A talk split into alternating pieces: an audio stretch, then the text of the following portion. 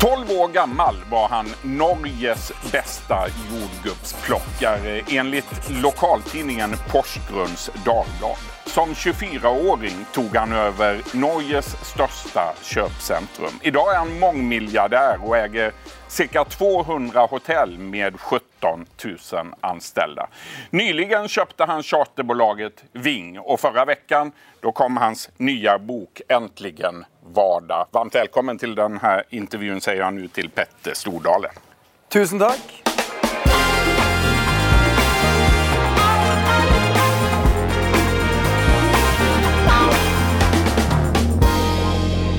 Du Petter, ja, vad menar du egentligen med det här? Äntligen vardag, älska måndagar och uppnå dina mål.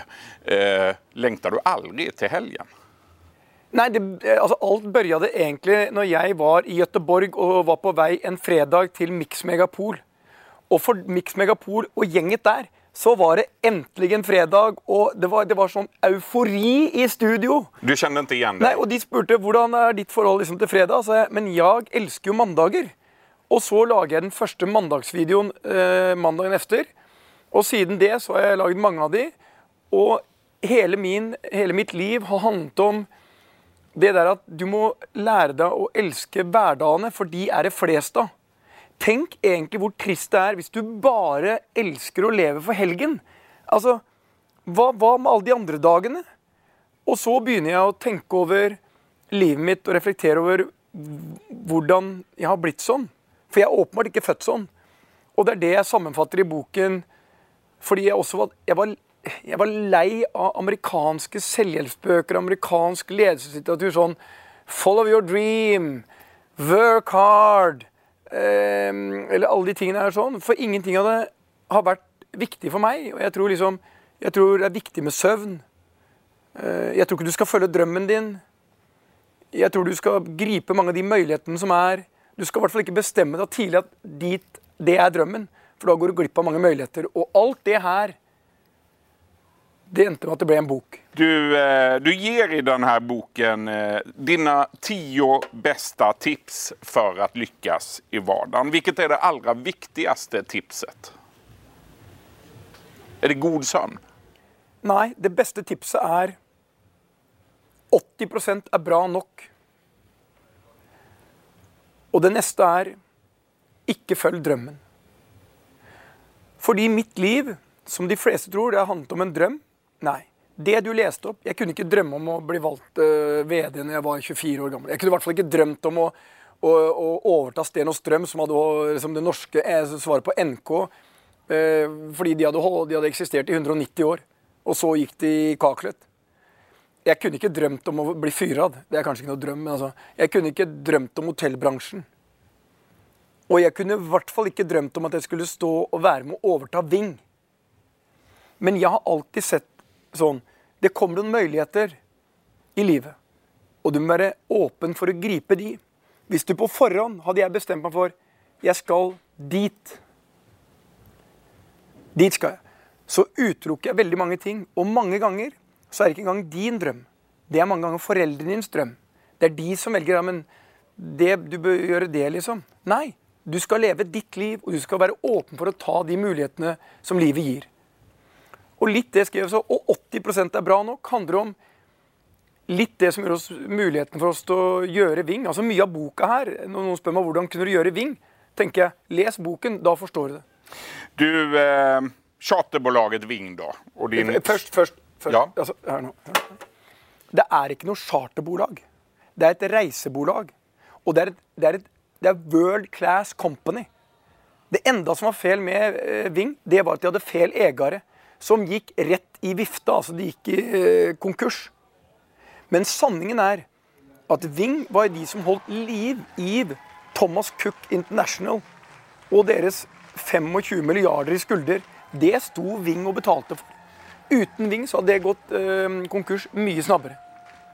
Er det fult å kalle Ving for et charterbolag? og i så fall... Ja, men det, det, men det, det, har ikke noe med altså, de, Hadde de bare levert én type turer Men her er det Altså, Ving har gjort det som Thomas Cook aldri klarte. Som ingen av konkurrentene har klart. De er 90 online business. De har ikke én butikk. De hadde 100, nå er det ingen. De, er, de klimatkompenserer hele reisen. De, altså, de, er, et av de mest moderne reiseselskapene i verden. De, det er ikke bare Ving. Det er Spis, arven etter Simon Spis i Danmark. Det er Kjærborg, arven etter presten i Finland. Dette er jo et selskap som frakter 1,6 millioner reisende til mer enn 400 destinasjoner, 60 land, omsetter for 15 milliarder. Det er jo en kronjuvel! Det er historie, det er, det er Bernie og Lolo altså, Det er alt det du drømmer om i business. Og så har de en enormt sterk kultur. Altså Ving-kulturen. Mange av de jeg møtte, de har jo gått fra å være Ving-guider til å bli toppsjefer. Altså dette er jo Alt dette er historien om Nordic Choice, bare i en annen bransje. Så idet de gikk, Thomas Cook gikk i konkurs, så formelig eksploderte det blant eh, noen få på kontoret hos meg. Det låter jo på det som at det ikke så mye behøver forandres i dette framgangsrike bolaget. Er det så? Det er jo det jeg sier. Alle trodde de skulle forandre så mye. Nei. Selvklart skal det skje forandringer. For det har Ving alltid gjort. Men selskapet er jo et world class company. Du Petter, i januari förra året kom beskedet at du har skrivit over din förmögenhet på over 25 miljarder kroner på dine barn. Hvorfor gjorde du det? Jeg var jo opptatt av, som jeg også skriver om i boken, jeg har vært opptatt av alltid at uh, du skal gjøre dine valg. Jeg var opptatt av at mine barn skulle få lov til å gjøre sine egne valg. Du kan si Min far, han hadde valgt for meg fra jeg var født. Jeg var tredje generasjon. Jeg skulle overta Stordans minimarked, dette lille Ica-supermarkedet i Porsgrunn. En livsmedelsbutikk ja. i Porsgrunn? Ja, en liten livsmedelsbutikk. For det var hans drøm. Heldigvis så forsto jeg at jeg kan ikke leve et liv på hans drøm. Jeg må velge mine egne ting. Og jeg bestemte meg tidlig for at eh, jeg skal ikke overføre noe til barna. De skal liksom gjøre det de har lyst til, ta den utbildningen de har lyst til, og gjøre sine egne valg. Men sommeren for to-tre år siden, ble vel to år tre år siden, så kom de til meg en fantastisk sommernatt på sommerkveld på sommer, sommerstugan og sa at de ville inn i bolaget. Min datter hadde da jobbet hos Deloitte, øh, og de to andre, mine to sønner gikk på skole. Og da kjente jeg det. Dette har jeg egentlig alltid drømt litt om at denne dagen skulle komme. Men jeg, jeg tillot ikke meg selv å tenke på det. Da tenkte jeg hvis dere vil det, så skal jeg overføre alt nå. For det handler ikke om penger. Det handler om å forvalte verdiene på et bra sett. Vi har en del, verdi, en del verdier vi tror på, og de må dere lære dere å forstå. For det er business. Du har tre barn, skal vi si. Du er i dag gift med Gunhild Stordalen. Innan dess var du gift med eh, Ingrid Stordalen, og dere har fortsatt en god relasjon. Hvor viktig er det for deg å holde ihop familien? Nei, det er eh, Vi drar på semester sammen, så eh, min ekskone var jo verdens beste mor til våre barn. Altså hva hun gjorde, har alltid for meg vært noe av det viktigste bidraget til at jeg faktisk uh, kunne gjøre de valgene jeg gjorde. Um, og jeg er uh, evig takksam for det. Om hun var verdens beste mor, hvordan var du som far? Uh, åpenbart ikke på tilsvarende nivå, spesielt ikke i periode én. Men så ble jeg bedre underveis, da. Så, og det var hun som egentlig fikk meg til å gjøre noen nye valg. Men et levd liv, altså, det er et liv med oppturer og nedturer. Det er et liv med å gjøre valg som vil koste noe. Men det er også de tingene Det som ikke koster noe, er kanskje heller ikke verdt noe. Altså, det er litt det. Og jeg har, jeg har jo gått på trynet så mange i mitt liv, og det kommer sikkert til å gjøre det igjen. Eh, og da er det viktig å reise seg og tenke at det er en ny mandag. Du og din nuvarande fru Gunhild Stordalen ni grundade 2011 stiftelsen The Stordalen Foundation som bl.a. fokuserer på klimatförändringar. Hvorfor gjorde ni det?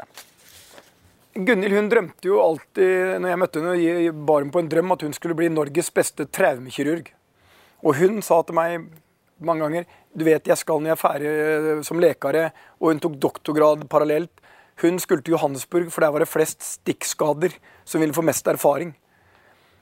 Og så plutselig en dag så oppdager hun å tenke på at eh, nei, mitt, jeg, jeg, vet åssen jeg kan ha, sette et mye større fotavtrykk For jeg er opptatt av miljø og redde liv. Og så så hun sammenhengen, hvor viktig mat var, og hvor viktig det var for å løse Sustainable Development Goals som FN har satt opp. Um, og da begynte hun å forme EAT og skapte EAT Stockholm Food Forum. Og da trang hun noen som kunne være med og fortelle hvordan du bygger et stort bolag, en stor organisasjon. Og blant annet da trenger du penger. Så jeg gjorde to ting. Jeg bar Gunhilds veske rundt i verden på FNs generalforsamling og på, eh, rundt om. Um, men så er det sånn at uh, nå er jo Gunhild blitt Hun har gjort kjempesuksess i utlandet. Uh, og jeg er grymt imponert av hva hun får til. Hvor mye ses ni egentlig? Hun reiser veldig mye, du reiser veldig mye. Du er i Stockholm nå i flere dager. Hvor mye ses ni? Som jeg sa, Niklas. Alt kommer med en kostnad. Kan ikke den kostnaden bli for høy iblant? Svaret på det er et ubetinget ja. Når blir den for høy for deg? Det vil fremtiden vise. Men én ting er viktig å forstå. Hvis du møter et menneske som Gunhild, som har en enorm ambisjon i livet, så, min, så følte jeg at min oppgave var at jeg skal hjelpe deg å virkeliggjøre liksom, å nå det du har ambisjon om å gjøre. Og noe av det du mister da, det er det vi hadde i børjan. Vi hadde masse tid sammen. Hun var alltid med meg på reise. Jeg var alltid med henne. Men så ble Gunhilds marked ble verden. Og hun visste at skulle hun være med å realisere de tingene hun drømte om, så kunne du ikke gjøre det fra Oslo og heller ikke fra Stockholm. Hun måtte til New York, London, Milano og så rundt. For ni år siden da gifte ni dere i Marokko, Marrakech. Ifølge eh, affärstidningarna kostade bröllopet 40 millioner kroner. En ofattbar summa nesten. Den som vigde er var selveste Bob Geldof. Hvorfor var det viktig å slå på stort 2009? For det første så tror jeg at uh, du tenker for mye på penger. Uh, så uh, Bryllup er på mange måter den største festen i livet, og jeg er jo glad i å organisere fester. Og den største festen jeg lager, er varje år for alle liksom, de ansatte. 3500 blir vi i året i hele Tele2 Arena, hele Globen, hele annekset. Kjemperigg. Over 48 timer. Um, og det var viktig for meg når vi skulle Gunnhild var jo ikke opptatt av å gifte seg. Hun var opptatt av at vi skulle lage Hun ville ha liksom Stordalen Foundation som morgengave. Um, men jeg ville uh, Jeg er jo glad i en fest, og da tenkte vi at uh, nå reiser vi bort. Du, fyra år efter bröllopet, då blev Gunhild sjuk. Hon drabbades av den ovanliga och svåra sjukdomen diffus kutan systemisk skleros. Hur reagerade du när du fick veta hur svårt sjuk hon var? For det første visste Gunhild var syk før eh, diagnosen ble stilt. Altså hadde, vi, vi, vi, begynte jo nesten halvannet år før det, nesten to år før det, og masse symptomer. Hun kunne få vannansamlinger, vi måtte ofte kansellere ting på veldig kort varsel. Um, plutselig kunne hun ha masse vann i hele kroppen, og ansiktet forandret seg. Og da måtte vi bare dra til en sånn hideaway-plass. Ni forsto tidlig at det var noe alvorlig? Det var noe fundamentalt galt. Vi visste bare ikke hvor. Og jeg tror Gunhild siste halvåret, siste året, hun hadde sett én type pasienter når hun uh, jobbet på sykehuset, som hadde akkurat den sykdommen. Og den verste av den var jo den du nevner, den diffuse kutane varianten hvor du dør sakte. Huden blir hard. Til slutt så går det på de indre organene, og til slutt så dør hun. Og hun fortrengte nok det helt vi fikk diagnosen. Men da kom vi i et sånn modus at jeg sa, Gunhild, dette, dette skal vi fikse. Det fins noe der. Det må finnes en behandling. Og så reiser vi da og undersøker alt, og der er jo for da ressurser. Og så ender vi da via USA og masse venner vi har som så ender vi da til slutt eh, på sykehuset i Amsterdam. Eh, hvor de gjør den første stamcelletransplantasjonen. Eh, og så er Gunn da en av de første i verden som får eh, ikke bare tilbakefall, men får lov til å gjøre den andre stamcelletransplantasjonen. Og så funker jo den. Og da, da har det gått nesten fem år. Ja, Det er fantastisk. Du Petter, om vi bakker tilbake nå da, til 1974 der denne intervjun begynte. Jordgubbene. Eh, i den åldern så eh, var du enligt lokaltidningen Norges beste jordgubbsplukker. Er det bare en skrøne, eller var du virkelig best? Nei, på, på torget i Porsgrunn, når jeg solgte jordgubber, så var jeg definitivt eh, en eh, superstjerne. Du var den som solgte mest? Ja. ja. Jeg plukka ikke jeg. Jeg var den som allerede da hadde liksom sagt at andre får plukke, jeg skal selge. Og jeg hadde jo et lite bord med en konkurranse som var stenhår. Men jeg solgte altså så mye jordgubber på det torvet. For husk at de fleste var sånn 50-60 år, de hadde store campingvogner, store torvboder. Og de hadde vært der. Så kommer jeg tolv år full av energi. Hadde liksom en sånne pitch hvordan jeg skulle selge. Og, um, men det var jo noen ganger jeg var der hvor jeg syntes at uh, dagene ble lange, og jeg var uh, lei av å stå på torvet. Uh, og det var jo der jordbærfilosofien ble utviklet, for jeg uh, klaga til farsan. Og en, da jeg hadde klaget rett mye, så sa han jeg skal lære deg en ting, Petter. Selg de jordgubberne du har, for det er de enda du kan selge. Og den kvelden før jeg la sånn av huet, så tenkte jeg faren min er et geni. Og en dag skal jeg overta den uh, livsmedelsbutikken. Nå gikk det ikke sånn, men jeg tok med meg den filosofien. Jordgubbsfilosofien ja, Og det handler jo om det enkle. Ta utgangspunkt i det du har, og gjør det beste ut av det. Avslutningsvis, eh, vi skal tilbake til det her med miljø og klimat. For du har, både du og Gunhild, gjennom åren fått en del kritikk for at dere reiser mye selv i privatflygplan rundt om i verden, samtidig som dere pläderar for andre hvordan de skal reise miljøvennlig og eh, leve klimatsnålt. Hva tenker du om den kritikken som dere har fått? Jeg har registrert, og det var også eh, noen som mente det var hyklersk og det var litt kritikk. Men det var egentlig Gunhild som uh, ga meg litt av svaret på det. For jeg, jeg forstår jo de som uh, kritiserer. Um, men det er én ting som er viktig, som Gunhild egentlig sa. Hun sa 'Petter, men se hva du har gjort i Choice. Se hvilke valg du har gjort der, og mye det påvirker. Og se hva du, når du gikk inn som eier sammen med noen andre i Hurtigruta Dere forandra hele bolaget. Dere gikk over fra rå, altså tungolje til å bygge det om til LNG. Og de siste nye båtene vi har bygd nå, helt nye, de er verdens mest miljøvennlige. Hybridbåter som kommer til å gå til de polare områdene, antarktisk og arktisk. Og de går, går bl.a. på strøm inn mot disse sårbare områdene. Og det betyr eierskap er viktig. For skal vi løse de store miljøfrågene som er altså Klimaendringene er kanskje verdens største utfordring akkurat nå. Skal vi løse den, så løses den ikke av politikere.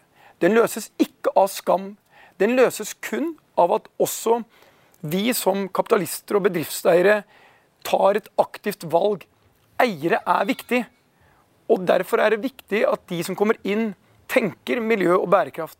For vi løser ingenting hvis ikke vi får et nytt måte å tenke på, som investerer i ny teknologi, nye ting, for å redusere klimatavtrykket.